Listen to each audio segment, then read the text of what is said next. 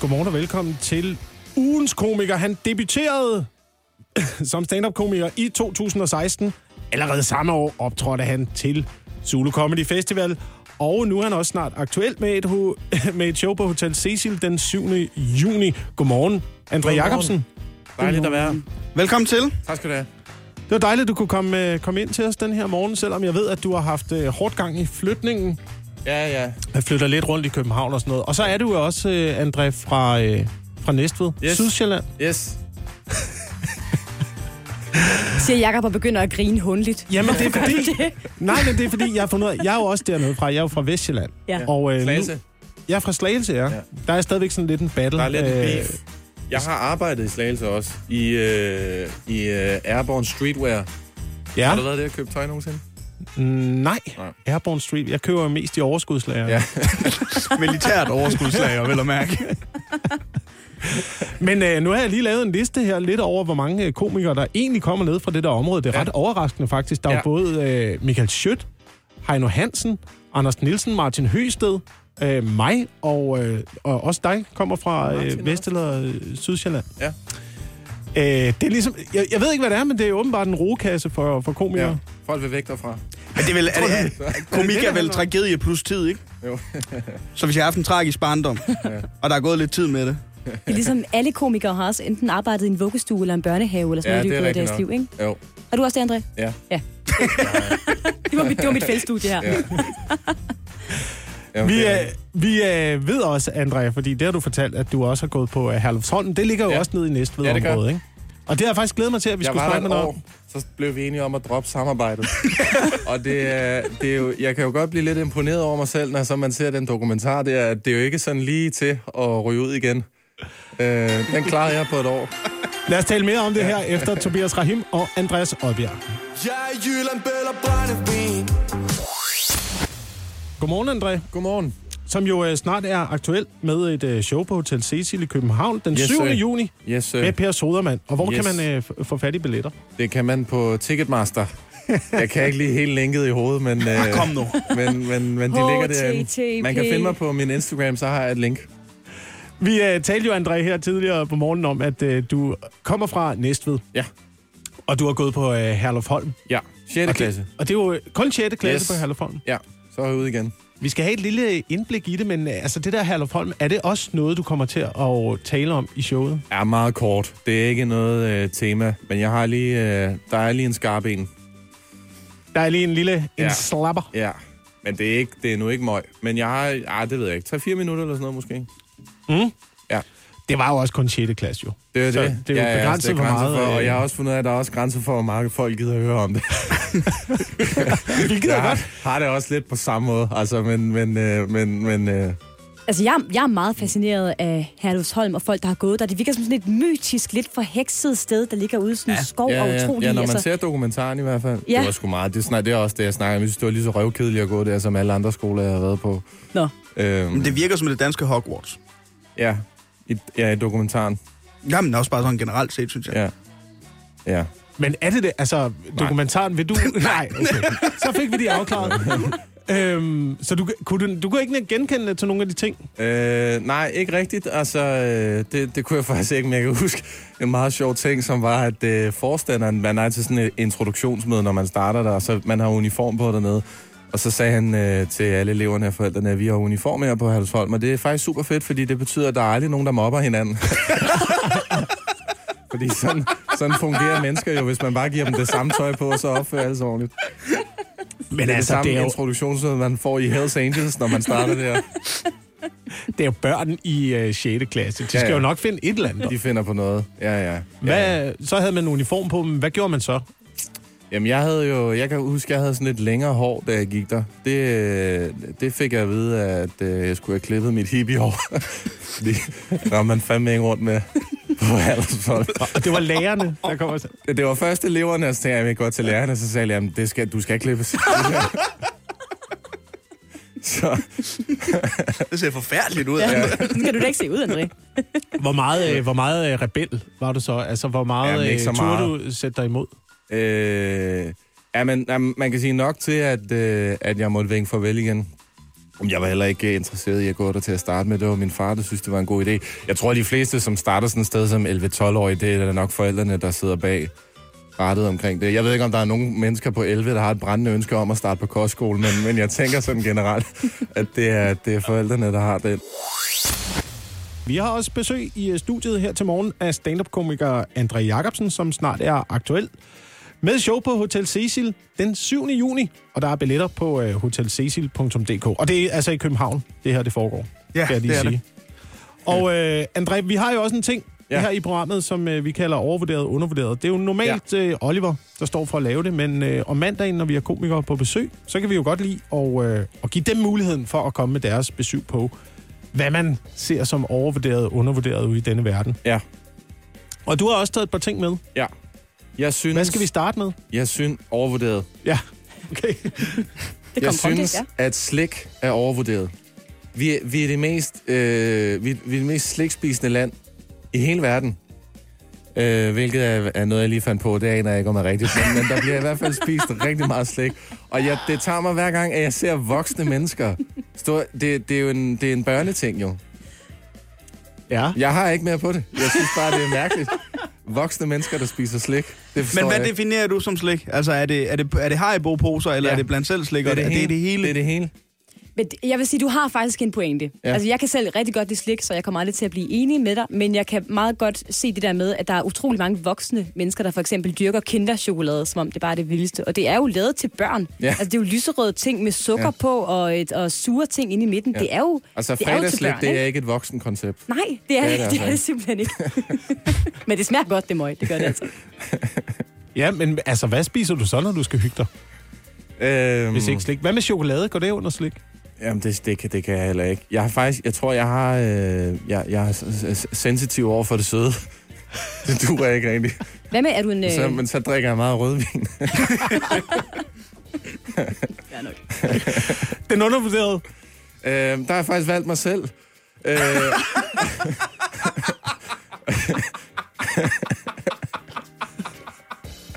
Og hvad det er, hvis man ikke tror på det, så kan man købe billet til mit show på Hotel Cecil den 7. juni. på Ticketmaster.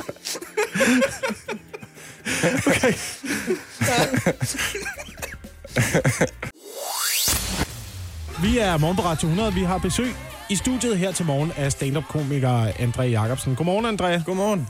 Det er dejligt, du er med os øh, den her morgen. Ja. Vi øh, spiller jo også nogle klip øh, fra dig ja. i, løbet af, i løbet af timerne her, hvor vi ja. Sender radio. Og øh, et af dem, det øh, er jo det klip, hvor du har en øh, joke omkring at gerne ville sende feminister i krig. Ja, et forslag. Ja, jeg hørte den godt, André. Kan Ja. du lige fortælle mig igen, hvad det her det går ud på? Øh, jamen, jeg, jeg, nu, jeg undlader lige at, at fortælle øh, det hele, for ikke at få mere ballade. Men også fordi, at øh, hvis man kunne tænke sig at høre resten, så kan man købe mit billet til mit show på Hotel Cecil den 7. juni. Eller, man Øhm. kan, eller man kan lytte med øh, senere på morgenen her. Man Vi spiller, vi spiller den øh, sikkert igen, Ja. klippet. Men det er jo, du er jo nogle gange også kendt for at lave lidt kontroversielt materiale, Ja. der så jo godt kan afføde en øh, lille smule kritik. Ja, den her joke om at sende øh, feministerne i krig, den blev lagt øh, på Comedy Zoo øh, en weekend, jeg skulle optræde derinde, og så fik jeg et væld af søde beskeder. Og det, en af dem, den, den var øh, lidt vild. Jeg prøver lige at læse her. Der er en, der har skrevet, Luk din røv, misogyne røvmåge. Dansk komik, lige med betalt sexisme. Og så står der, det forstår jeg ikke helt, der, så står der NCEL-materiale for alle MRA'er i det her misogyne land. Og så det, der er det vildeste, det er, så har hun tagget en gruppe, som hedder I missed the days when men went to war and never came back. Og så tænker jeg, det er nok sådan en rimelig lille gruppe. Så klikker jeg ind på den. Det er så et fællesskab af 17.000 mennesker, der savner, da, da mænd de tog i krig og bare blev væk. Jesus, mand. Ja. Røvmåge. Det, er, Røvmåge, det, det er nyt for mig. skældsord, Ja. Det, det er udtryk. Jeg har lige brug for at få sat lidt flere ord på, André. Jeg er Ja. godt klar over, at du, du vil gerne sende feminister i krig. Ja. Hvad er argumentet for det? Jamen det er, jeg tror, hvis man først sådan bliver konfronteret med dem, så, så har man slet ikke lyst til at kæmpe den krig. Så vender man bare om og tager hjem i stedet for. Så det ville være en øh, krig, der kunne, en konflikt, der kunne løses uden at løsne et skud. Uden Ja, våben. det så- tænker jeg. Men det er da positivt. Det, Det- det jamen, der, jeg- hvorfor bliver folk så Jeg fik rasende? faktisk tanken, fordi jeg så den der øh, video, der gik øh, viralt øh, af, af hende, den øh, øh, ældre ukrainske dame, der går over og sviner en russisk soldat til. Og han tør ikke at gøre noget. Altså, øh, han bliver sådan helt øh, en undskyldning for sig selv, står og kigger ned i jorden og siger, Jeg er også frygtelig ked af, at vi er taget herop. Altså, den var jo ikke gået, hvis det var mig, der var gået over og spillet smart på den måde. Og så tænker jeg bare, vi har jo så mange af den type, så kunne man jo sende dem afsted.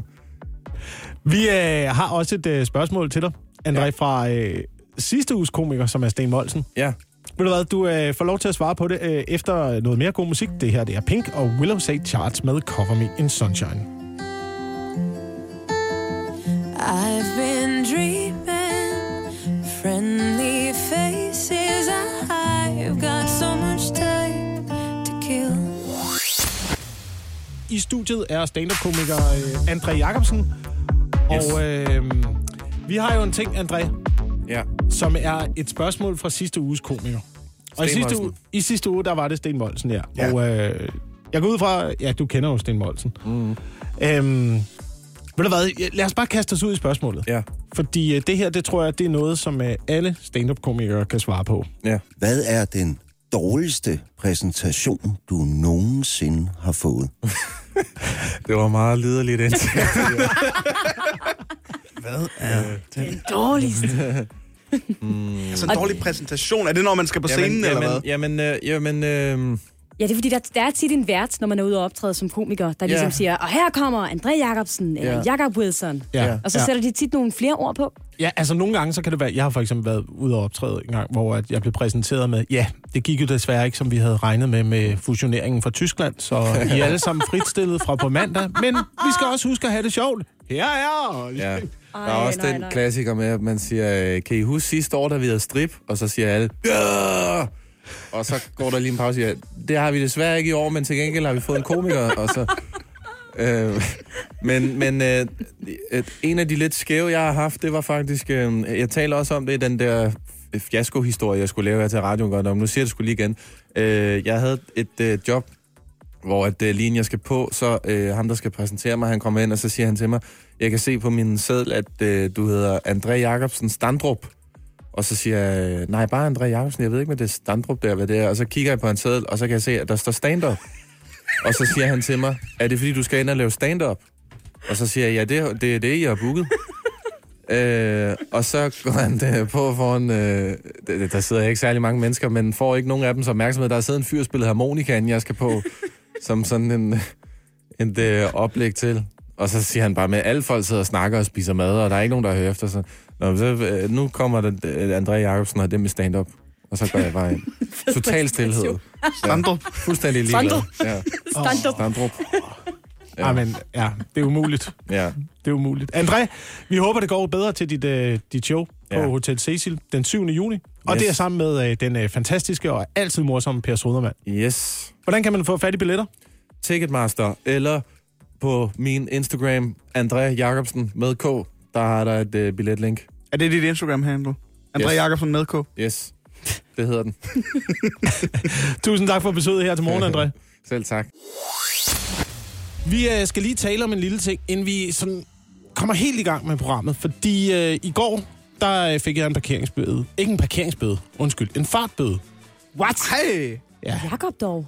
Og så... Hvordan kan man øh, få det? nu? Ja, ja. Ja, Du har ikke gjort andet end at snakke Fordi- om, hvordan du kører 90 ind bag en lastbil for at spare benzin. spare benzin. Ja. Hvor er det ironisk, det er dig, der får en fartbøde. men altså, øh, hvis man gør det gennem en by og i gågaden, så er det, øh, så er det lige til en fartbøde. Åh, oh, ja, okay. Det var ikke, det var ikke helt så slemt, men jeg fik, jeg fik en fartbøde. Og øh, så slår det mig, at jeg synes, at øh, reglerne for fartbøder er alt for skrappe. Der burde, der burde simpelthen... Og det ved jeg godt, sådan er det altid, når man får en bøde, ikke? Men prøv at. Jeg øh, bliver øh, taget for at køre 58 km i timen i en byzone. Fy for satan. Og det er, det er, en, øh, det er en byzone, hvor man nærmest ikke... Kender I de der byer, hvor man, du kan ikke se rigtigt til en by? Der er bare et skilt, men der er ikke rigtig nogen huse endnu. Det er stort set bare stadigvæk landevej, og man skal godt nok køre dængsekørsel for at kunne sætte farten ned på den der strækning, inden man ligesom rammer husene. Er det de der gennemkørselsbyer, øh, byer, sådan Ja. landsbyer? Ja, lige præcis. Gennemkørselsbyer. Ikke? Og jeg er lidt uopmærksom, fordi der sidder to børn på bagsædet, så jeg skal sådan hele tiden lige holde... Tag stille! Lige råbe det dem, ja. Ja, og så kommer du ved, foden til at øh, ramme lidt for hårdt på speederen. Og så er det 58 km i timen, og så skal man jo trække til og fra 3 km. Så lad os sige reelt, så er det 6, ja, 6 km i timen for hurtigt, ikke? Ja. Og allerede der, så får man en bøde.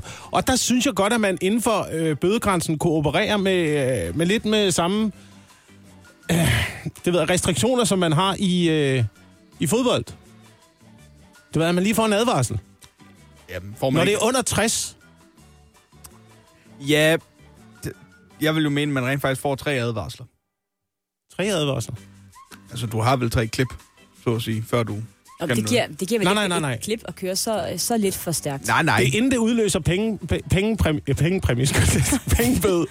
inden det udløser en bøde, Ja. at man får en advarsel, inden man skal betale. Fordi, jeg mener, altså, Altså, altså så det er du- 6 km i timen for det, og nogle gange så er man nu opmærksom. Nogle gange kan det være fordi, oh, jeg var lige ved at foretage en overhaling, så derfor så gassede jeg lidt op. Eller der og- kan være mange grunde til, at man lige ikke kigger på speedometeret hele tiden. Undskyldninger, undskyldninger, Ja, dem er der undskyldninger. Jacob Wilson, ikke også? Men altså... Og hvad, jeg skal lige høre din øh, advarselsidé øh, idé her. Så skal man have et gult kort, hvis man en gang bliver taget i at køre for hurtigt, men Ja. det ikke er så for hurtigt, og næste gang, så, Så- må man, så så, man det. godt få en Så klapper fælden. Det, det er jeg imod. Jeg synes, der skal falde bøder med det samme.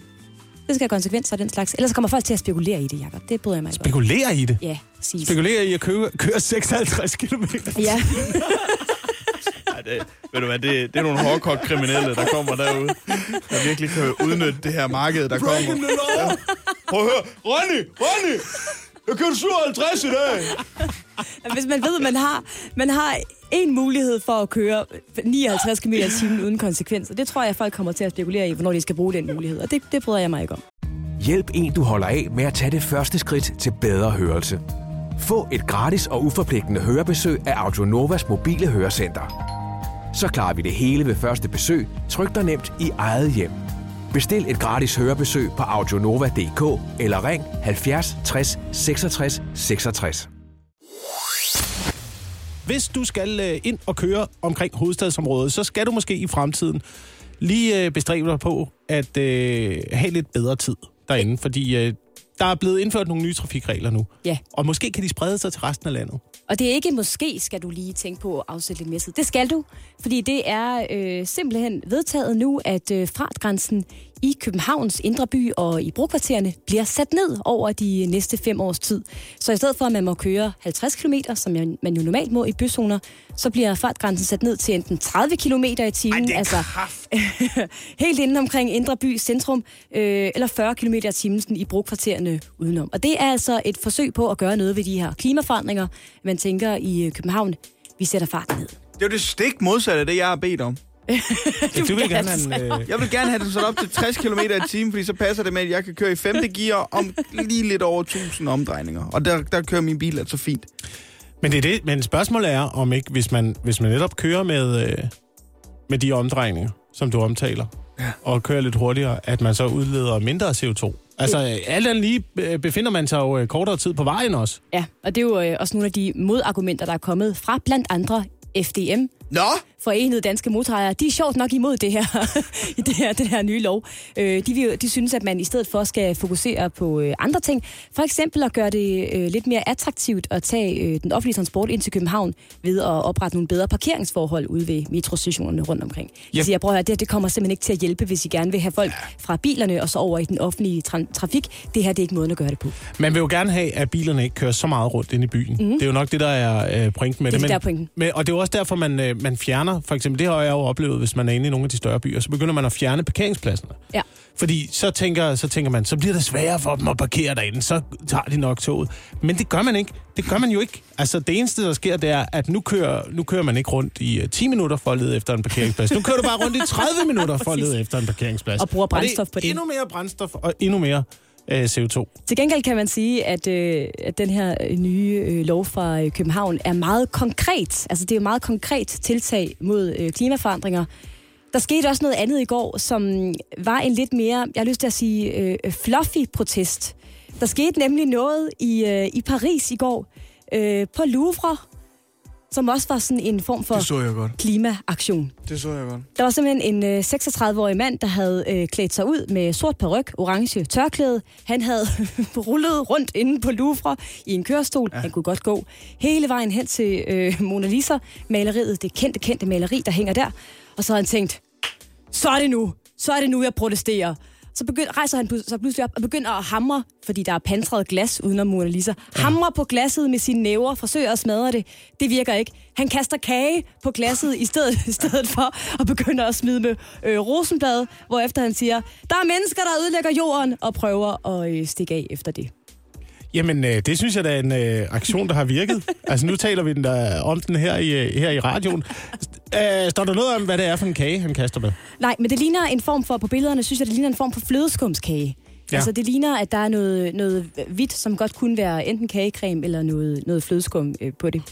Så det var ikke for at bryde glasset, at han ligesom... Øh, Kastet kage på. Jeg ved ikke, om han havde øh, med i sine beregninger, at der var det her glas på. Jeg tror måske godt, han kunne have tænkt sig at, at kaste kage på selve Mona Lisa, men det, det, hvis han havde gjort sin research ordentligt, det kan man altså, altså ikke. han er sikret. godt nok også fået livstid. Ja, ja men det, det, det, er jo en, øh, det er jo faktisk en mulighed, fordi der er det her pansrede glas udenom, så det kan ikke lade sig gøre. Men altså, kage, nedsatte fartgrænser, det var en god dag for klimaet i går. det kan være, at det er, det er det, du skal gøre, Oliver, for at øh, fremtvinge din øh, plan om at få, få højere fartgrænse i København. Begynder at kaste kage på, kage på rådhuset, eller hvad? det kunne godt være. Nu, Oliver, der skal vi en tur ud på det store internet. Der sker så mange mærkelige ting inde på internettet. Ja, ude i verden. Altså, der er jo endda en del af internettet, som det menes, at vi ikke kender noget til. Også almindeligt dødelige. Altså, det, der hedder The Dark Web.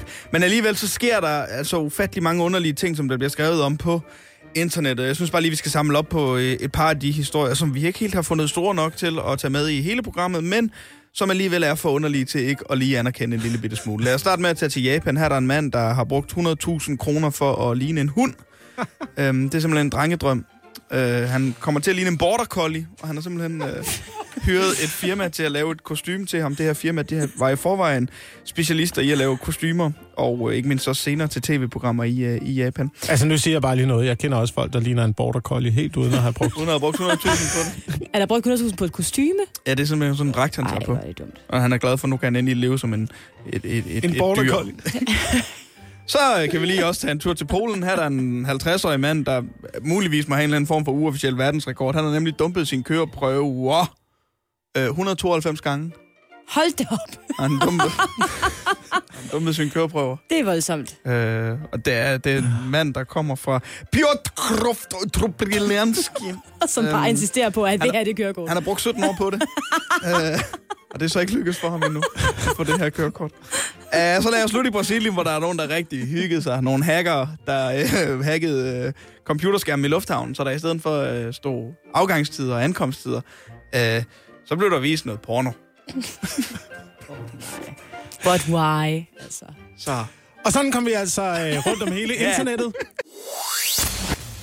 Lad os lige øh, snakke om de der droner der, fordi øh, jeg fik nævnt, at vi skulle øh, snakke om øh, vinderen af Comedy Night. Det skal vi også senere, men øh, først skal vi lige vende dronehistorien. Der var jo en øh, prøveflyvning, der øh, fandt sted i går fra Svendborg til Ærø. Transportminister Trine Bremsen sendte en øh, medicindrone. Kalder man det det? En øh, syge, sygedrone? Jeg tror, det kaldes en sundhedsdrone. Sund, en Sundhedsdrone, sundhedsdrone. ja. Ja, ligesom det hedder sundhedsminister. Og ikke en sygeminister. Sygdomsministeren. Men hun er jo transportminister. Jamen, det var fordi, det var en drone.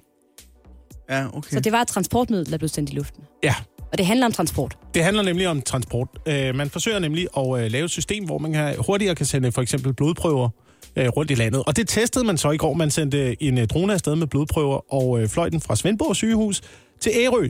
Cirka 50 km skulle dronen tilbagelægge. Og øh, det gør man altså for at teste, om det her system virker, sådan så man kan udvide, udvide systemet til øh, eksempelvis resten af Danmark. Sende øh, droner frem og tilbage mellem måske Rigshospitalet og måske øh, Aarhus Universitetshospital. Ja, fordi det er jo det her med transporttid, og det er også derfor, man i første omgang begy- har begyndt øh, forsøget på øerne. Øh, dem, der, hvor der ikke er en broforbindelse til. Fordi hvis man får taget en blodprøve som øboer, så går der jo lang tid, inden den skal transporteres med færge og bil og så videre ind på hospitalerne, og så blive analyseret, og så kommer resultatet. Så mm. håbet er ligesom, at man hurtigere kan få patienterne i behandling med det, på den her måde. Og alt det er jo meget godt, og jeg synes også, der er mange, rigtig mange positive ting ved de her droner. Øh, men jeg er også typen, der ser Star Wars en gang imellem. Og der har jeg altså lagt mærke til, at det er kun de onde i Star Wars, der har droner. Og der er et eller andet, at der er et eller andet med droner, øh, som ikke er... Det skuer et lille, en lille smule i mig. Altså, jeg, måske er jeg nok bare nervøs for, at der kommer øh, for mange droner. Ja. Men det er jo også fordi, at man ikke ved, hvor man har droner, føler jeg. Altså sådan, fordi jeg er enig i det, er de onde, der har droner. Fordi i det ene øjeblik, så kan du, se, så kan du høre TV-avisen og høre om den her sundhedsdrone, der flyver fra Svendborg til Ærø. Og det andet øjeblik kan du høre om krigen i Ukraine, hvor de ukrainske militær bruger droner som bomber. Altså, det er svært at finde ud af, hvad er det lige præcis? Er det, er, er det, er det godt eller ondt? Men droner er jo en god ting, hvis man bruger dem til det rigtige. Jo, jo. jo, jo. Altså, jeg kunne da godt se for mig i fremtiden, at der blev øh, leveret pizza med droner, for eksempel. Bum, så var der pizza ude foran en dør med en drone. Jo, men det er også Hvorfor et ikke? transportmiddel, så synes jeg, der giver os flere, flere spørgsmål end svar indtil videre. Altså, hvis du skal levere pizza, hvor skal den så levere det hen? Ude foran min dør, Ude foran din dør. Jeg bor i lejlighed. Så foran kan- dit vindue. Så kan lige flyve op til Så vinduet. flyver op til vinduet. Ja, så åbner du bare. Så åbner jeg bare så. Hey, nå, tak Kan skal du du lige have. bestille pizza ind ad Nå. vinduet? Ej, det vil jeg elske faktisk. Det der pizzadroner, det går jeg ind for, fordi at jeg er flyttet på landet, og der, der fastfood er altså rigtig svært at, øh, at få fat i. Det er ikke så fast derude. Nej, det er nemlig ikke så fart. Så, øh, så der kunne man godt indføre dronerne. Men det, der irriterer mig også lidt, det er, når de flyver ind over ens have. Jeg har enkelte gange oplevet at blive øh, altså nærmest overvåget af en drone. Det der, hvor der hænger Ej. en drone op over en. Er det rigtigt? Kender det? Jeg var, var, lå ved en, øh, på en strand på et tidspunkt med, med min kæreste, og så lige pludselig så kommer der en drone, der bare hænger mm. op over en. Men det er også, fordi I Øhm. tager på Nøgenstrand, ikke? Jeg ved, ikke, hvad en den skulle, jeg ved ikke, hvad den skulle, den drone. Men jeg har jo ingen redskaber. Jeg har jo ingen redskaber. Jeg har jo ingen muligheder for at gøre noget andet end at, at, at tro ejet med knytnæven op i luften. Du havde ikke din slangebøsse med, Jacob. Nej, og det er jo det. Og slangebøsse er jo øh, også et ulovligt våben. Det må man jo heller ikke bruge, ikke? Så skal du jeg bare have en ikke- anden drone og sende den op i kamp. Men er der regler for... Sådan noget, så robot wars. Ja, præcis. Sådan noget, ja. præcis. Men er der regler for sådan, hvor højt øh, man har ejerskab over sin have? Altså forstår I, hvad jeg mener? Hvor, hvor, hvor højt op i luften man kan jage en drone væk fra? Hvis den flyver over din have, for eksempel. Ja, det er jo det, jeg har prøvet at finde ud af, om man ejer luftrummet over øh, sin egen have. Og øh, det troede jeg ikke, man gjorde, men der er faktisk kommet nye regler for øh, flyvning med droner her. Der øh, står det i paragraf 13 her i øh, beskyttelse af privatlivets fred. Flyvning med droner over bygninger og beboelsesejendomme og tilhørende haver og gårdspladser og lignende med afgrænset hegn og hæk og mur må ikke finde sted uden ejerens eller beboernes samtykke. Så du må altså ikke flyve ind over haven med din øh, drone, medmindre du har samtykke fra ejeren. Og det, og det kommer an på, hvor højt op de er, fordi det må fly jo gerne, for eksempel. Øh, Så du ejer åbenbart kun dit eget luftrum til en vis, Åh oh, gud vis, ja, og kameraerne bliver, bliver bedre og bedre og bedre. Og du har ikke nogen mulighed, man har jo ikke nogen muligheder for at gøre noget ved det, hvis Nej. den endelig kommer ind over. Hvad, hvad skal man så have, en høj stige eller hvad? Det er umuligt, det er umuligt. Tak fordi du var med os denne onsdag morgen. Hvor det jo er, at vi skal til stemmeurnerne i aften. Der skal, eller i aften måske, eller når man i eftermiddag. Om en time og Om en time åbner 17 de. minutter cirka. Hvem tæller? Det er forsvarsforbeholdet, der skal stemmes om. Og der er jo sikkert rigtig mange, der stadigvæk er i tvivl om, hvad man skal stemme. Jeg kunne læse her til morgen, at nogen er i tvivl indtil sidste sekund. Ja, Man går ned til øh, stemmeboksen, og der bliver googlet. Der bliver googlet på livet løs, og jeg kan godt forstå det, fordi det er faktisk en øh, femtedel af vælgerne, der stadigvæk er i tvivl om, hvad de skal stemme. Og øh, endnu flere blandt de yngre, det vil sige dem, der er mellem 18 og cirka 35 år. Øhm, så jeg har kigget på, hvad er det egentlig, vi googler, når vi sidder derhjemme og er i tvivl om det her famøse forsvarsforbehold. Mm. Øh, lad os bare starte med det mest googlede. Hvad er forsvarsforbehold? Det forstår jeg da sgu da godt. Jeg har da heller aldrig hørt om det før for to Nej. måneder siden. Præcis, og det er jo et af de her forbehold, vi har i øh, EU. Faktisk som det eneste EU-land har vi et forsvarsforbehold i Danmark. Og det betyder jo, at vi ikke er øh, med i de øh, forsvarssamarbejde, som man, som man har på tværs af de europæiske lande. Det vil sige, når man sidder øh, i Bruxelles og beslutter, det kan være, at vi skal sende en delegation til, hvad ved jeg, Mali eller Bosnien-Herzegovina, så er Danmark ikke med. Ikke med til at træffe beslutninger om, hvor vi skal hen, og man kan heller ikke sende, øh, sende militær eller udstyr afsted, fordi vi slet ikke er med. Og hvis man så afskaffer det her forsvarsforbehold, så giver det os mulighed for rent faktisk at deltage i de her missioner. Man kan også stemme nej til at afskaffe det, og så står vi udenfor, så er der intet, der ændrer sig. Men jeg kan godt forstå, at folk er i tvivl om, hvad det er. Fordi det jo fra... Er det fra 93? 93, eller så? lige præcis, ja, og det har jo ikke rigtig været brugt. Nej, nej, og det har aldrig rigtig været aktuelt før. Og man kan Nej. sige, uanset om det bliver et ja eller nej, altså det får jo ikke betydning for os som borgere. Altså direkte betydning på den måde. Så jeg kan godt forstå, hvis det er noget kringlet noget. Andet mest googlede spørgsmål, det er, hvad betyder forsvarsforbeholdet? Og jeg var lidt inde på det før, for det er lidt samme genre. Det betyder jo bare, at vi ikke sidder med ved bordet, når beslutningerne skal træffes om, hvilke aktioner vi skal deltage i i europæisk øh, samarbejde. Fordi der er jo også andre paraply organisationer, man kan træde ind under, nemlig for eksempel NATO og FN, hvor vi jo er med, og hvor vi også øh, kommer ud i, i verden. Øh, I EU-regi er det nogle lidt andre missioner, man er på, så spørgsmålet er, om vi skal deltage i dem. Det tredje mest googlede spørgsmål, det er nemt, det kan I også svare på. Hvornår skal vi stemme? Skal vi i dag? I dag, mellem klokken... Stemmeurene åbner om en time og 14 minutter. Det er rigtigt. Mellem klokken øh, 8 og 20 kan man altså komme afsted til sit øh, lokale valgsted. Og det er altså vigtigt at bruge sin demokratiske stemme. Det vil jeg godt lige slå et slag for. Enig. Det er vigtigt at bruge sin demokratiske stemme. Kommer der et men? Kan vi lade være med at kalde det demokratiets festdag? Nej, det Jo. er alle, alle, Nej. alle folkeafstemninger Nej. er Nej, demokratiets festdag. Folketingsvalg, kommunalvalg, det, og det her, det er jo sådan et, et ekstra valg. Det er jo sådan en fyld, det er sådan et, man normalvis, hvis man kunne, vil sætte sammen med et andet valg. Og sige, Nej. ja, I skal ned og stemme det Folketing. I øvrigt, så er der også lige et EU-forsvarsforbehold. Kan I ikke lige stemme om det også? Det, altså, det betyder jo, det, er- det er kun rigtig stort lige nu, fordi der ikke er andet Nej, valg. det Og er det er det. rigtig stort, fordi det vil være historisk faktisk, uanset hvad vi stemmer i dag. Ja, Så jeg synes, man skal gå ned og være med til at øh, skrive historie på sit lokale stemmested. Og så skal jeg sidde og se valg hele aftenen. Det kan jeg godt Ja. ja. love jer for. Stem, stem, stem, Stem, stem, stem, stem. Nu skal vi også øh, lidt tilbage i erindringen, fordi vi skal nemlig have os en øh, måneden, der gik quiz. Vi skal se på, hvad der skete i maj måned, Oliver. Jeg har simpelthen gjort det, at jeg har fundet fire ting, som vi har talt om i løbet af maj måned. Fire ting, der er sket i løbet af maj måned. Og så har jeg svaret, og så skal I jo så finde ud af, jamen, hvad er det så, der egentlig det her det drejer sig om. Er det sådan noget med, at du har svarene, vi har spørgsmålene ligesom Ja. Jeopardy? Ja, ja, I behøver bare ikke sige, hvad er, for Okay. eksempel. Okay. Øhm, så den første, den lyder for eksempel, der er svaret 28 grader. Men hvad er spørgsmålet? Så svaret er 28 grader. Hvad er spørgsmålet? 28 grader. Oh, Er det var, det noget- den, øh, var det den øh, øl, jeg drak i går, der havde stået for længe i solen? Nej, men det lyder ikke behageligt. Ja, det skal være noget, vi alle sammen har talt om, Jacob. Jeg føler ikke, vi alle sammen har talt om din, om din varme øl i solen. Øh, kan det være noget med... Altså, det var jo, år- der, vi målte jo årets første sommerdag i maj måned, men jeg mener ikke, at temperaturen røg så højt op. Det gjorde den heller ikke, nej. Øh, spørgsmålet er 28 grader. Nej, svaret er 28 grader. Ja, Hvad er spørgsmålet? hvad er spørgsmålet? Øh, 28 grader. Oh. Hvad har det er jo også, 28 det, er jo- det er jo temmelig varmt, hvis man... Øh, Jamen, altså- i hvilken skala? Er det bad... Er det noget med den der svømmehal? Ja! Ja! Hvad er det for en svømmehal? Jeg har glemt, hvad det er ja. for en svømmehal. Jeg har glemt, hvad det er. Men det var en svømmehal, Øh, der sænkede temperaturen med 1 Hillerød grad. Det var Hillerød. svømmehal. Sænkede man temperaturen i uh, vandet i svømmehallen som konsekvens af de stigende priser på vand og varme, og man altså sænkede det fra 29 grader til Det er 28 grader. Der var Så det var korrekt. Øj, det var Godt, vi hopper videre til det næste. Svaret er 0,00074 procent, men hvad er spørgsmålet? 0,00074 procent af det, øh, det, det, det, det, det, det antal lyttere på Mette Frederiksens øh, nye podcast. Nej. Nej, altså meget godt bud. Er det øh, øh, antal vælgere, der har tænkt sig at stemme til forsvarsforbeholdet i dag? Nej, det er det heller ikke. Nej. Er det heller ikke, hvor store chancer der er for, at du vellykkes med en hjemmelavet banæse, Anne? Nå, det kunne det også godt være. Uh, uh, uh, uh, uh, uh. Jeg ved siger ikke, du om som det en var... hund nu? Jeg blev grebet af stemningen. Og så er det min, øh, min øh, form for øh, bosserlyd. Søløv. Eller Søløv. hvad? Søløvelyd. Uh. Jeg tror, det er risikoen for, at en øh, meteor ville ramme jorden. Der var jo en meteor, der Ja. var på vej mod, øh, mod jorden. Ja, det var en asteroide, men jeg giver den. Jeg giver den. En asteroide, der hed 2009 JFI. Det var chancen for, at den ville kollidere med jorden fredag den 6. maj. Det, er, øj, det er så lang tid siden. Ja, jeg kan godt huske, det vi skete ikke. om det. Nej, det, det skete ikke. Vi Nej. kan godt lige nå øh, en til i hvert fald. Svaret er 13 millioner. Hvad er spørgsmålet?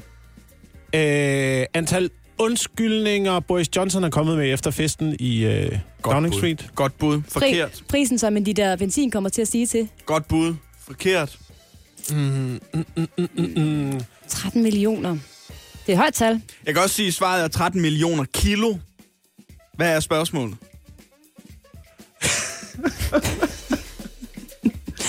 Ja, 13 millioner kilo. Og hvad har der været? Mm. Hvad, hvad, hvad er 13 millioner kilo? Kan du lige komme med en lille ledtråd mere, Oliver? Det var en speciel dag. Øh, Åh, åh, åh! Og nu vil jeg også en søløv. dum, dum. Øh, det er vi i, øh, er vi i Norge. ja, vel. Og det, og det er mængden af pølser, de spiser på deres nationaldag. Ja, det er mængden af kilo pølser, nordmændene indtager på deres nationaldag den 17. maj. Kan du lige gentage, hvor meget det var? 13 millioner kilo. 13 millioner kilo pølser. Ja. Det synes jeg, I klarede øh, rigtig, rigtig flot, venner. Tak skal du have. Det var svært. Ja, men det var, det var svært. Uh, vi nåede heller ikke helt det hele. Men, uh, men jeg synes, at uh, I skal så have lov til at stoppe på toppen med den sejr, I fik her.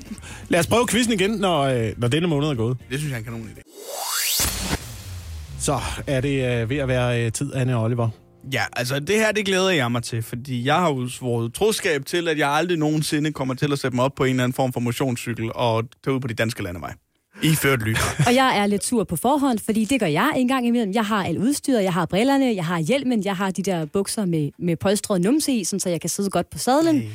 Og jeg er- ved, der kommer en svada nu mod os motionscyklister. Ja, men øh, jeg er faktisk også øh, selv en af dem jo. Altså, jeg kører jo også på øh, motionscykel en gang imellem. Så du giver også lidt en onsdagsolfer til dig selv? Det er også lidt til mig selv, ja. Nå. ja.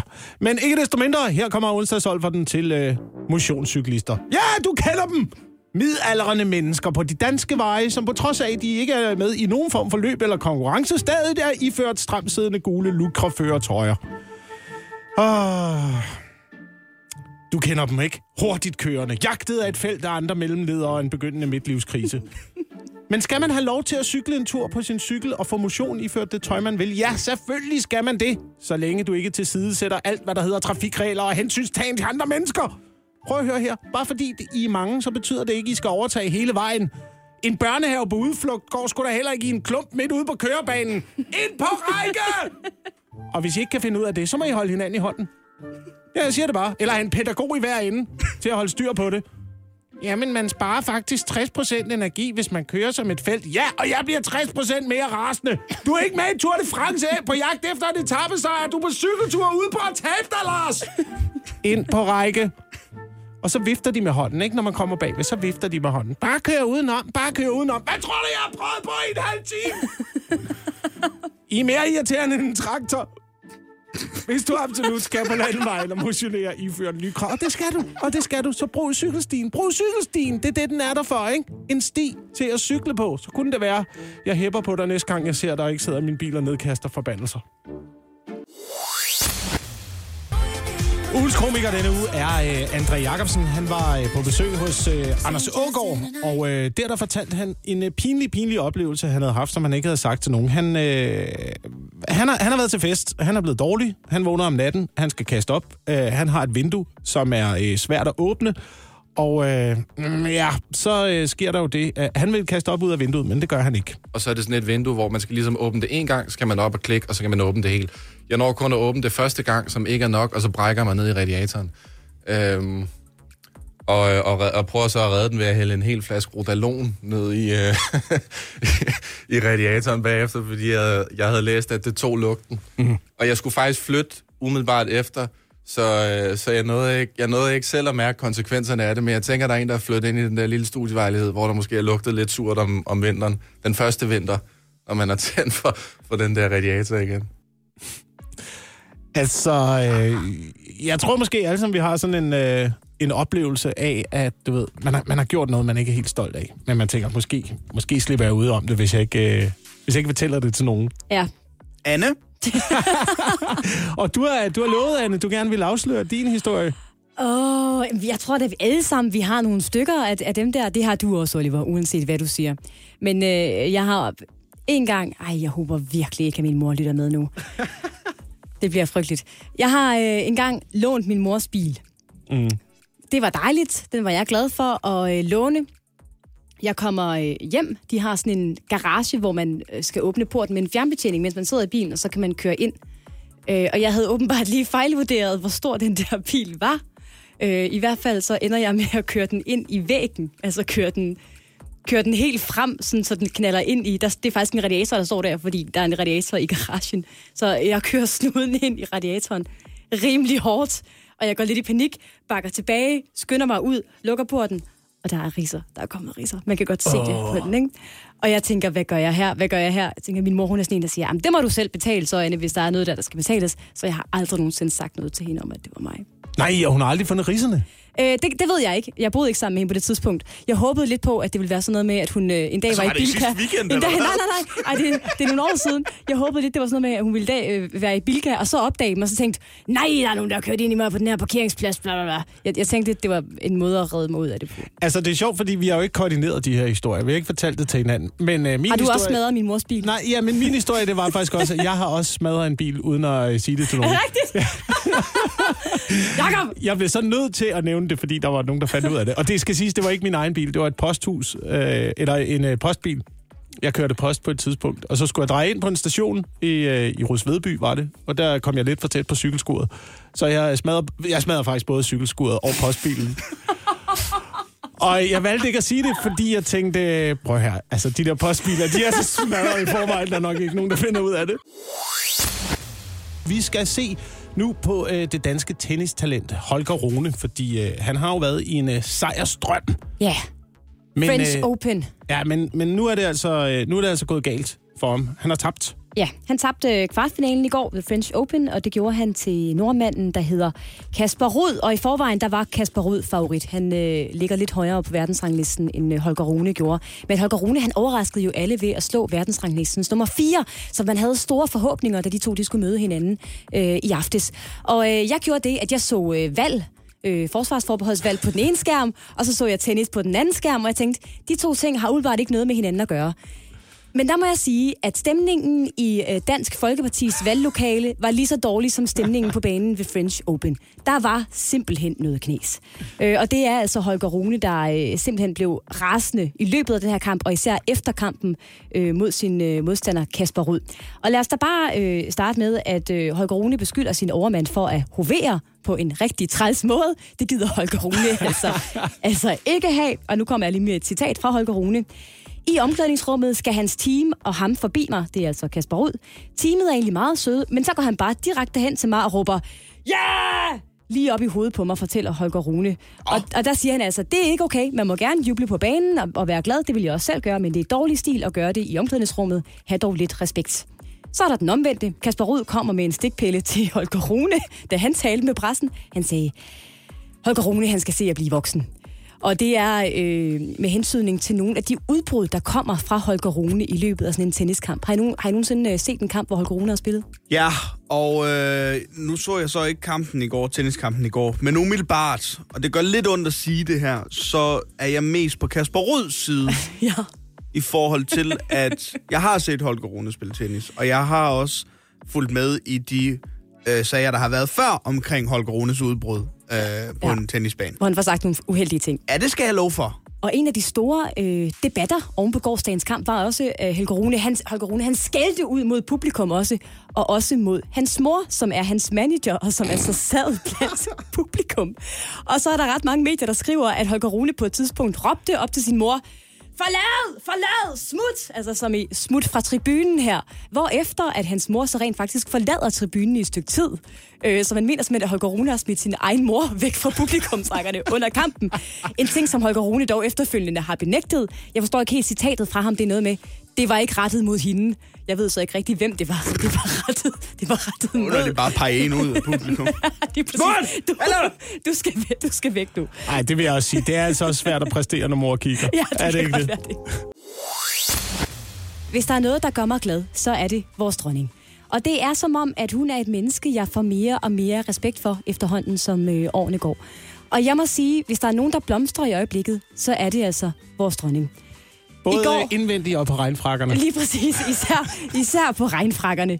Øh, men i går, der gjorde hun jo det, at hun simpelthen overraskede alt og alle ved, at hun øh, mødte op hos landsholdslejren, øh, vores herrelandshold i fodbold, i Helsingør, og de lavede sådan en surprise! De vidste ikke, at hun kom, angiveligt. De havde så forberedt en gave til hende og alt muligt. Det var da meget sjovt. Øh, men øh, hun var simpelthen derop og lige gøre sin entré og lige, øh, lige charme landsholdet lidt. Og jeg, jeg så nogle billeder derfra. De så en lille smule starstruck ud, faktisk. Jamen, var hun ikke deroppe for netop at acceptere kong Christian og prinsgemalen ind i familien?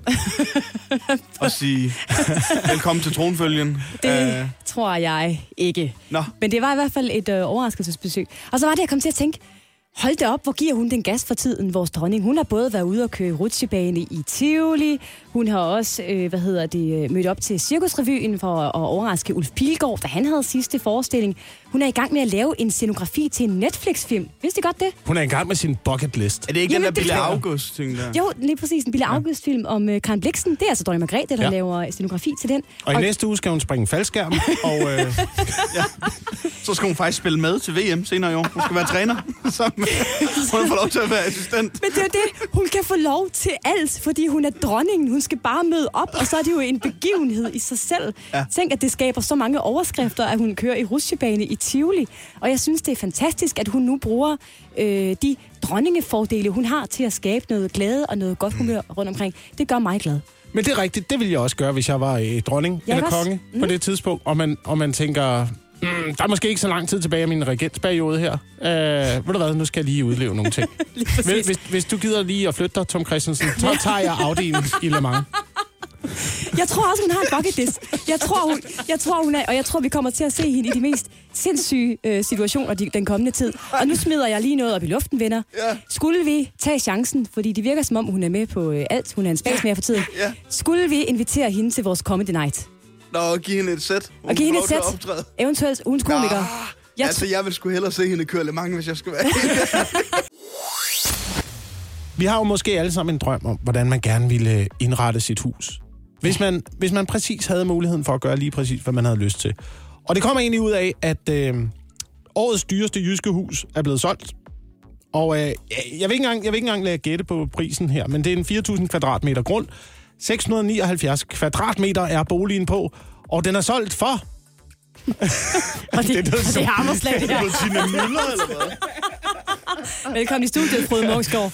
Ja, Østholdet siger 50 millioner, som er øh, øh, også øh, det korrekte hammerslag. 50 millioner i Jylland.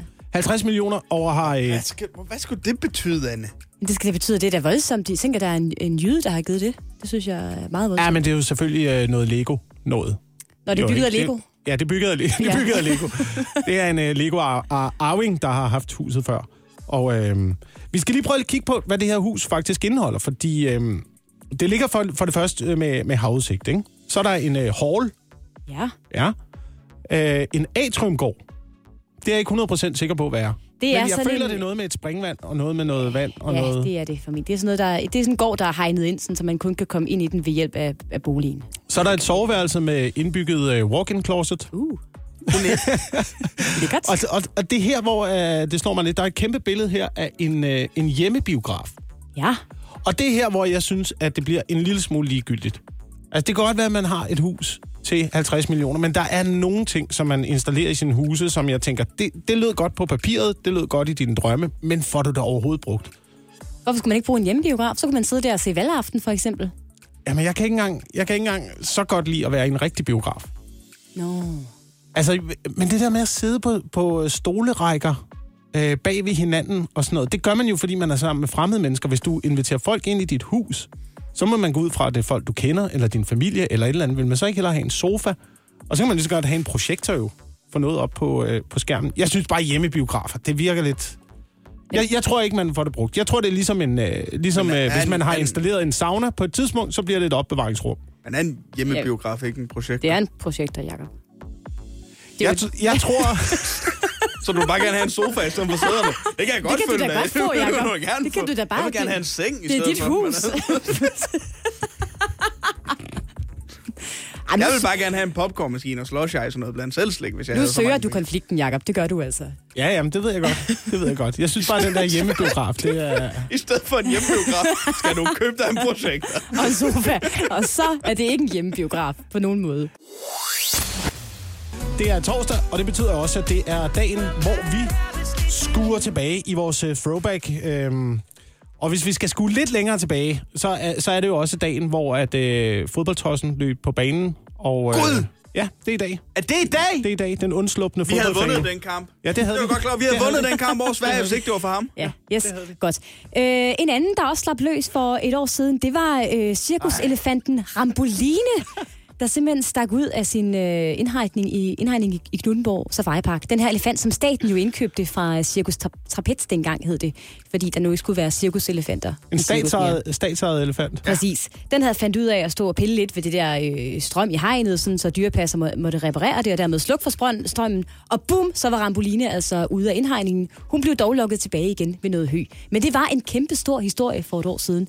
Og jeg synes, det lægger meget godt op til en, øh, en god snak om, hvilke dyr man ikke har lyst til at møde i naturen.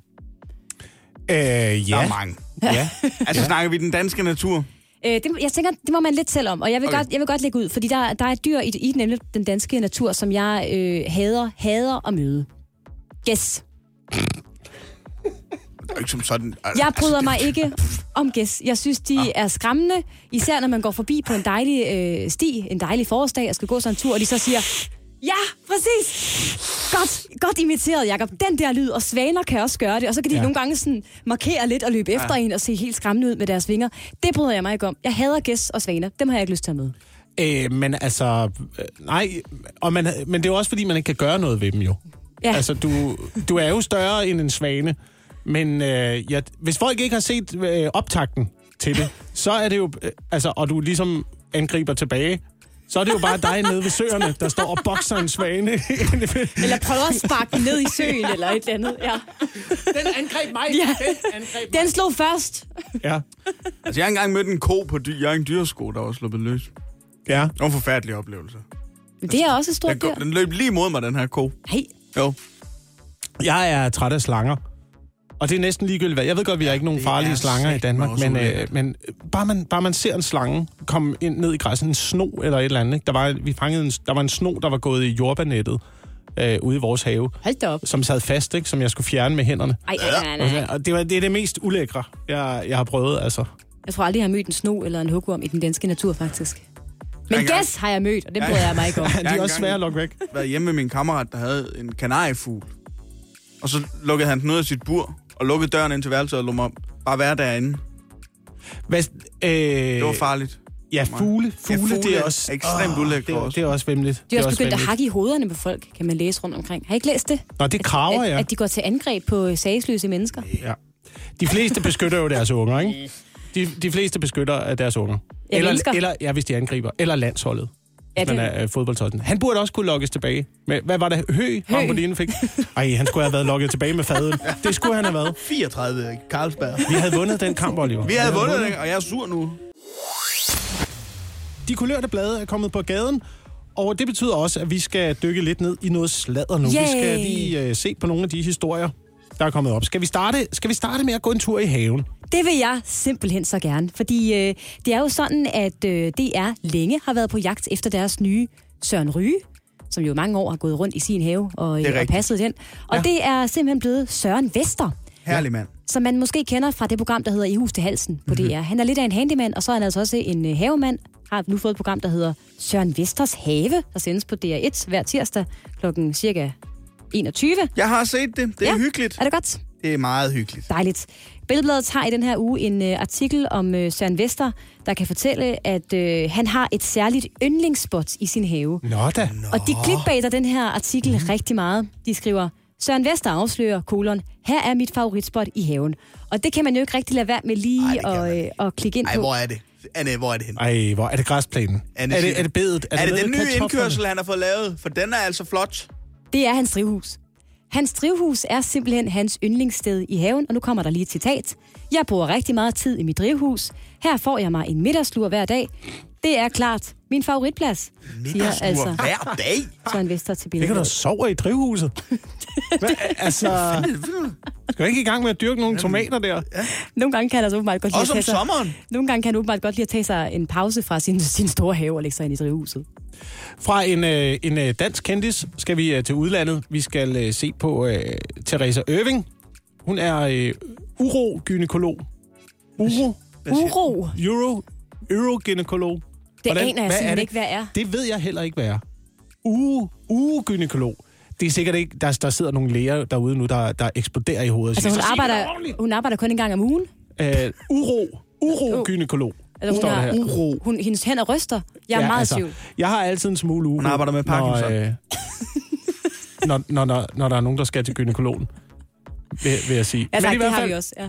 Det er i hvert fald uh, Teresa Irving her, der, øh, der advarer mod at tisse i badet. Ja. Hvorfor? Det skal man altså ikke gøre. Og uh, der kunne man godt tro, at det var noget, uh, der var farligt. Ikke? Uh, men det er simpelthen uh, åbenbart, fordi at uh, ens blære, den har hukommelse, skriver ja. Se og Hør her. Uh, så den kan altså huske, hvis du, hvis, du for eksempel, hvis du tisser i badet, så er der jo rindende vand. Så hver gang du hører rindende vand, så, uh, så skal man altså tisse. Så begynder man at tisse. Så, uh, så Så tisser i badet, så kan du aldrig tænde den for, En for vand, din du vandhane har aldrig igen. vaske hænder uden at tisse lidt. Det er altså ærgerligt. Sådan, øh, sådan kan man altså øh, træne blæren, ifølge øh, Teresa, øh, Teresa ja. Irving her. Men der tror jeg bare ikke, hun har taget højde for, hvor, hvor meget dyre det er blevet med vand og varme, for eksempel. Og du sparer jo et skyld. Ja, altså, tisse i badet. ja, det vil jeg sige. Jeg er altså også mere bange for, at man også kan træne sin hjerne, så hver gang du ser det i et, et drivhus, for eksempel, hvis du sover i det, så bliver man træt og falder i søvn. Hjælp en, du holder af med at tage det første skridt til bedre hørelse.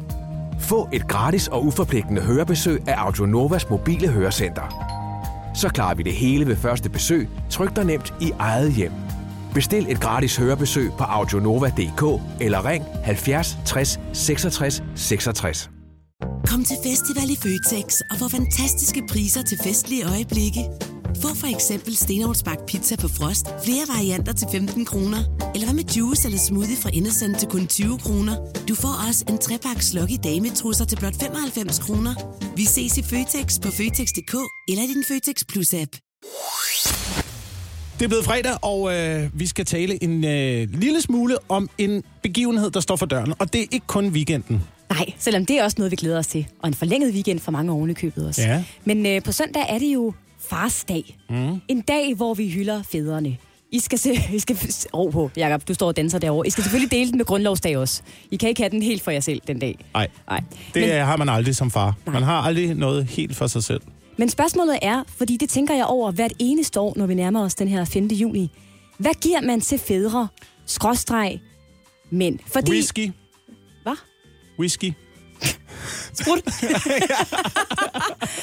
Hvorfor ikke blomster, Jacob? Fordi det er jo sådan noget, jeg godt kan lide at få. Og det er noget, jeg ved, min mor hun godt kan lide at få. Så jeg bestiller altid, når det er morsdag, en god, en god buket blomster. Og jeg ved, at når min kæreste kommer ind ad døren med bare noget, der minder om en dusk, hvad end det er noget, han har plukket i en grøftekant, eller det er en buket bladcelleri fra øh, supermarkedet, og kommer og giver den til mig som en, øh, en lille buket, så bliver jeg simpelthen så glad inde i hjertet. Ja, og det øh, bliver du også nødt til at forklare os mænd, hvad det er, der foregår. Fordi øh, det forstår jeg mig overhovedet ikke noget som helst på. Okay. Hvad, hvad er det? Hvad er det, blomster gør?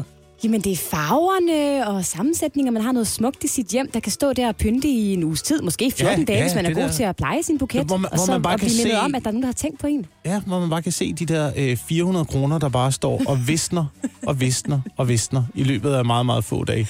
Du vil hellere se en sprutflaske, hvor der bliver øh, mindre og mindre og mindre alkohol i. Altså, jeg kan godt... I det mindste kan man da strække det til nogle måneder. Kan man det, Jacob? Ja, det kan man. Ja, okay, fair nok.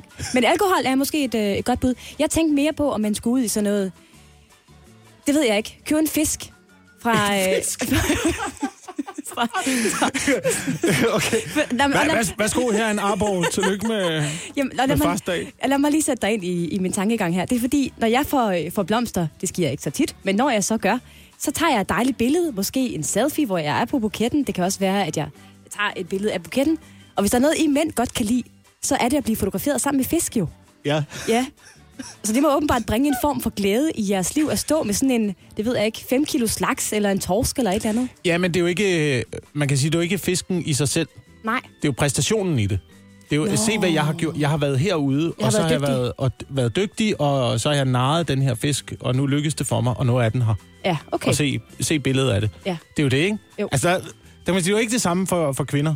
Du har ikke været ude og ligesom lavet en plan for, hvordan får jeg fat i de her blomster. Hvor, øh, hvor vokser de henne?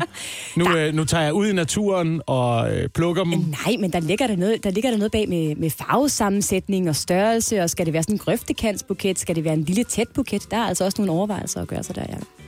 Ja, men altså, jeg har det bare sådan, jeg, øh, jeg har ikke lyst til at give øh, 400 kroner for noget, der dør efter 14 dage. Så sagt. Nej, men du vil gerne have taget et billede af noget, der skal dø nu, som er en, som er en fisk. Ja, noget, der er dødt. Ja, noget, der er dødt. Det her er morgen på Radio 100. Jeg mindes også en gang, Jacob, at du har sagt, at øh, som øh, far og ægtemand, noget af det bedste, du overhovedet kan få, ikke? Ja, det er tid. Altså, Ja. tid Ja. for dig selv. ja. Så spørg- ro, ro, giv mig ro. ro og tid. Så spørgsmålet er, om man bare skal sende alle fædre ud på en, en fisketur alene på søndag eller sådan noget. Ah, det er wellness. Ja, okay. Det Der er var wellness. Den. Modtaget. Vi skal øh, en tur ud i verden nu. Vi skal se på et øh, land, der ikke længere vil, vil øh, hedde det, som det hed engang. Ja. Der er simpelthen et land, der har skiftet navn. Det er jo også meget populært at skifte navn for tiden. De har Har, været- har de været til nomolog, Anne, spørger. Nej, de har kigget på deres navn og tænkt, vi er så trætte af, at vores navn øh, deler navn med en stor, dum, grim fugl. Det er nemlig Turkey. Tyrkiet, der nu vil af med det der Turkey-brand. Ja. Så det har de i gang sat en, øh, faktisk en større rebranding-kampagne om. Øh, og nu har de fået lov til at skifte navn i FN-regi også, sådan så at man øh, der ikke kan kalde dem Turkey mere, men i stedet, og jeg har øvet mig på den her udtale, Turkey. Tyrkia. Tyrkia. Altså, der, skal Okay. lige, der, der, skal, der er lige ændret lidt ved stavemåden til sidst. Så de har øh, rebrandet sig selv ude i verden til et navn, som ingen kan udtale. Lige præcis. Så, så stort tillykke til Tyrkiet med det. Og det er også fordi, øh, for det første, de ønsker ikke at hedde det samme som en, en fugl, som Ja. jo så er kal- kal- kalkunen. Og noget andet er, at øh, hvis man øh, slår op i den engelske ordbog Cambridge Dictionary, og kigger under definitionen af ordet turkey, så står der også, at det kan være noget, der fejler stort, eller en dum eller en fjollet person, altså kendt som en fiasko, et flop eller et øh, fjols.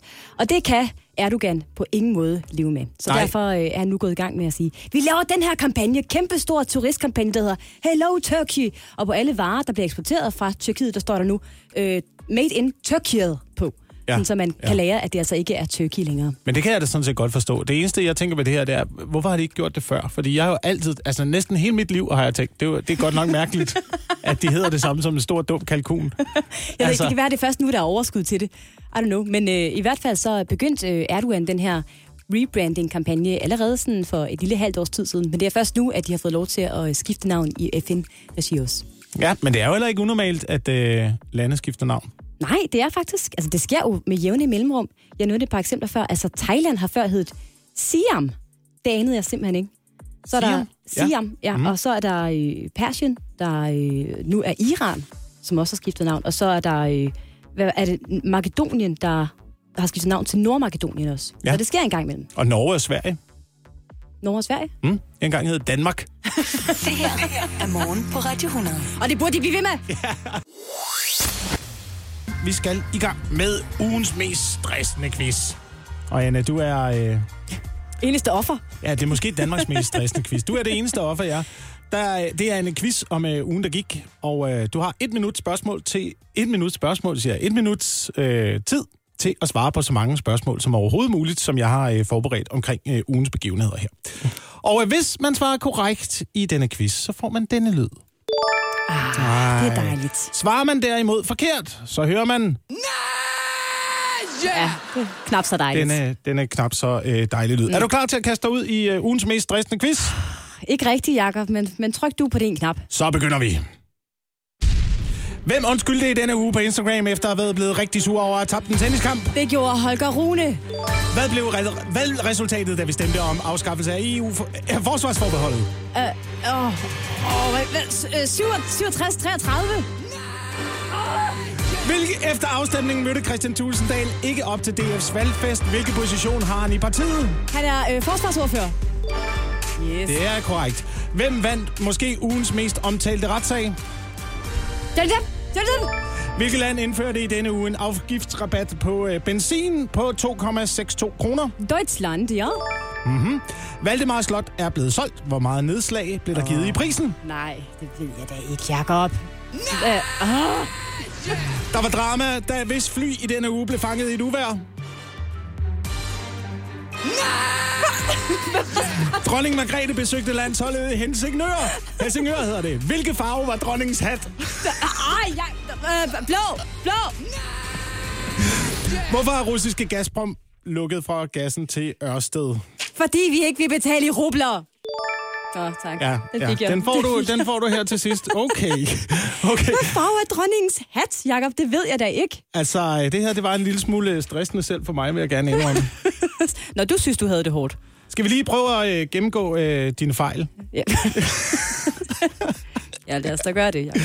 øh, det er øh, Valdemar Slot. Nej, ja, nu, du, vi, du stemte, du svarede nej til, hvilket, re, hvad resultatet blev, da vi stemte om afskaffelse af forsvarsforbeholdet. Nej, havde- jeg sagde, havde jeg, jeg, jeg prøvede at sige uh, 67. Jeg, når jeg tror, du var svæsket efter selve resultatet. Hvor mange, der har stemt ja nej. Nå, selve procent. Ja, nej, nej, så giv mig bare- din ja. Giv mig et- ja. Det var bare et ja eller nej. Nå, okay. Og det blev nej. Valdemar Slot blev solgt. Øh, nedslaget i prisen var 54 millioner kroner. Nå, undskyld, at jeg ikke lige havde fået den med, så. Det var dronning Elisabeths fly, der blev fanget i et uvejr. Nå, Der var drama, der ja. var drama og øh, dronningens hat var rød. Super. Jeg blev, nødt, jeg, blev nødt, jeg blev nødt til lige at lægge et spørgsmål ind, så man var øh, sikker på, at man i hvert fald fik en, øh, en nej. Jamen, det er sådan, du er, Jacob. Jeg ved ikke, altså, det er sådan hver fredag morgen, når mit vækkeur ringer, og jeg glæder mig til at komme ind og sende morgen på Radio 100. sammen med dig og Oliver, jeg, ej, det bliver en hyggelig morgen, jeg glæder mig, der er fredagsstemning. Og så kommer man ind til din dødsquiz hver eneste gang. Og der, er- det er som om, der er ingen vinder af det her. Vi skal øh, se på øh, vækkeuret nu, Anne. Ja, det siger du. Fordi øh, du er jo glad for at bruge snusknappen. Jeg er en snuser, og ikke en af dem, der, øh, der putter tobak op under øh, overlæben eller andre steder, men sådan en, der trykker på mit vækkeur. Det, Ja. det har jeg brug for, Ja. ja. Jacob. Men hvad er det, der er dejligt ved det? Altså det der med at lige, man trykker, og så øh, ligger man der og øh, Jeg ved ikke, jeg tror ikke bare... rigtig får søvn. Jamen, jo, fordi man får alligevel lidt søvn, og så kan man lige ligge og, og lige alligevel vende sig lidt til, at man skal op lige om lidt. Så det, jeg tror, det er det der med, at man lige kan give sig selv 10, min- eller ved det, 9 minutter mere, er vist den der standardindstilling. Og så kan man stå op bagefter. Jeg snuser Jeg forstår det ikke. minimum en gang hver morgen. Jamen, jeg forstår det ikke, fordi jeg er typen, der er væk ud og ringer, og så er jeg oppe med det samme. Det her, det er, hvad der foregår ind i hovedet på mig, lige så snart væk ud og ringer. Du sover Og så også med er- dine støvler på, ikke, Ja. Jacob? Ja. Så er de på arbejde. Løb! Og så er jeg ude af seng. Jeg synes, det er meningsløst at, øh, at ligge og snuse. Og øh, vi har diskuteret det her mange gange, og nu er der altså forskning på området, der støtter mig. Oh, selvfølgelig jeg er det glad den for. forskning, du fremhæver. Der er sikkert også forskning, der viser noget andet, Jacob. Det her, det er øh, Paul Jenum, der han er leder af Dansk Center for Søvnmedicin på Glostrup okay. Hospital. Han lyder som en, der ved, hvad han snakker om. Det gør, og det var derfor, jeg ville have det her med, nemlig. fordi han siger, øh, jeg bestemt ikke reklamere for, an, øh, for at bruge snusknappen. Øh, det er bedre, siger han, det er bedre at stille, hvis man har mulighed for det, uret til en time senere. Øhm, Uret det er til en time senere. Ja, altså det, der er aller, allerbedst, det er at vågne langsomt, uden de øh, afbrudte afbrydelser. Ja. Så hvis man, altså, det allerbedste er at vågne af sig selv, ikke? Jo. Men jeg står jo op klokken lidt over fire. Jeg vågner ikke af mig selv klokken fire. Ja. Det må jeg sige. Men øh, det, som øh, Paul Jenum forklarer, det er, at hvis man bruger snusknappen og ligger der, så er den søvn, man får, den rent faktisk ikke rigtig gør noget godt, fordi den er af meget, meget, meget, meget ringe kvalitet. Ja. Men sådan også, ved du hvad? Ja, det har du sikkert ret i, dig og Paul. Ja. Ja. Jeres lille alliance derovre. Men der, der må jeg bare lige tilføje øh, andre ting, der heller ikke er godt. McDonald's. Jeg spiser også McDonald's en gang imellem. Det gør jeg, selvom det ikke er særlig godt for min, øh, for min krop. Og så kan jeg blive ved. Jeg kan ikke lige finde på flere eksempler. men, der, men der er sikkert en milliard ting, jeg gør, som heller ikke er godt. Men som jeg har brug for, for at forsøde min tilværelse en lille smule. Ja. Men måske skal man øh, gå lidt tidligere i seng og øh, stå lidt tidligere op. Og så Ja, og man skal vågne. spise sundt og varieret, og dyrke Ja, motion, ja. og drikke masser af vand, sluk tørsten i vand. Spis noget fed fisk. Vil du høre, hvad, hvad Paul mener er det allerbedste, man kan gøre? Ja. Det siger han her. Det, er, det allerbedste ville være, og, øh, og det sundeste, det var at gøre, gøre, som man gjorde i gamle dage, hvor man stod op og gik i seng med solen. Hvad betyder det? Lev som høns. Vi skal øh, en tur nu til forbudsfrankrig. Som du jo kalder det. Men det giver god mening, Jakob. Øh, og det skal vi, fordi vi blandt andet jo skal spille øh, faktisk landskamp mod Frankrig i aften. Nations yeah. League. Woohoo! Og så derfor synes jeg, det er måske en meget god anledning til lige at kigge lidt på det øh, franske sprog. Det har de i hvert fald selv gjort i Frankrig. Øh, og de er faktisk også gået så vidt, at de har tænkt, vi gider ikke flere engelske ord i det fine, fine franske sprog, som vi stadig holder fast i, skal forblive fransk. Ja, de er jo ikke så glade for øh, englænderne Nej, i, øh, i Frankrig. Nej. Og de er jo heller ikke så glade for, det er jo også altid dem, der får særbehandling ved øh, Eurovision. 12 point! Altså, du ved, alt skal oversættes til fransk, fordi de som de eneste åbenbart nægter at høre efter, hvad der bliver talt, når det er engelsk. Men det betyder, at øh, man simpelthen nu fra officiel hold, altså landets kulturministerium, har været ude og forbyde øh, en del af de her gaming-udtryk. Du ved, dem man finder inden for øh, Counter-Strike og e-sport i det hele taget, fordi der ja. Er jo mange af de udtryk, der kommer fra, fra engelsk, som man bruger undervejs. Ikke? Det er sagt, her er de franske udtryk, I fremover skal bruge, så I må ikke længere bruge de engelske udtryk. Og nu kommer jeg til at tale fransk, Jacob, Ja, og, øh, og ja, jeg, skal jeg beklage, til. jeg skal beklage på forhånd. Det betyder, at ordet e-sport, som ja. jo er sådan ret internationalt, fremover i Frankrig øh, kommer til at hedde, ah, hvis det bare var så, var så nemt, det kommer til at hedde øh, Jeux vidéo de compétition. og det var ikke, og det var e-sport. Så er der øh, udtrykket, der hedder øh, pro-gamer, eller pro-gamer, altså en, der er professional gamer, ikke? Ja. Junior de professional, skal det hedde. Og så kommer den, synes jeg, bedste streamer, altså du ved, streame, streamer, det skal heddes Joueur animateur en directe fremover. Og der bliver slået hårdt ned, hvis man våger at bruge de engelske ord. Det er Ja. nemlig ikke okay. Altså, så hvis du sidder og spiller et eller andet spil, jeg ved, øh, ligesom din kæreste gør en gang imellem, Ja, ja. Øh, og, og råber på en medic, så skal det også siges på front. s'il vous plaît. Ja, så bliver man øh, smidt af. Ja. Øh, det er i hvert fald noget, man øh, siger, at, at når der er de her officielle begivenheder, altså fra officielt hold, hvor Kulturministeriet og så videre er indblandet, så bruger man de her udtryk. Tidligere har man også øh, i Frankrig, uden det store held, forsøgt at få ordet wifi ud af, ud af sproget. Jamen, altså... Hvilket jo også, altså det ved alle, hvad det betyder. Men i Frankrig var man simpelthen træt af det her ord wifi, så derfor øh, prøvede man, det gik ikke så godt, at erstatte det med ordet, der hedder l'accès sans fil internet. Som direkte oversat betyder trådløs adgang til internettet. Ja, men nogle gange, så synes jeg, det der, det kan godt blive lidt for arrogant i Frankrig, ikke? fordi øh, jeg, jeg rejste også på et tidspunkt i Frankrig, og så gør man så umage, fordi man ved, de ikke kan lide de der engelske ord. Jeg Ja. prøvede at lære noget fransk. Jeg skulle ind og bestille noget i en bager. Og så, og så åh, jeg øvede mig, jeg øvede mig, gik jeg ind i bageren og sagde, oh, bonjour madame, øh, je voudrais une croissant, s'il vous plaît. Og så kigger hun på mig, sådan helt spørgende. Hvad? Øh, une croissant? Og så går det op for hende sådan, ah, croissant, siger hun Ej, så. så Og lige. forstår hun det, ikke? Oh, nej. Croissant? Nej, det hedder croissant. Ej, det er Croissant. Det er sindssygt. Her er det Duffy Men det til gengæld. Med Warwick Avenue. Jeg ved ikke, hvordan man siger det på fransk. Le Warwick Avenue. Det her er morgen på Radio 100.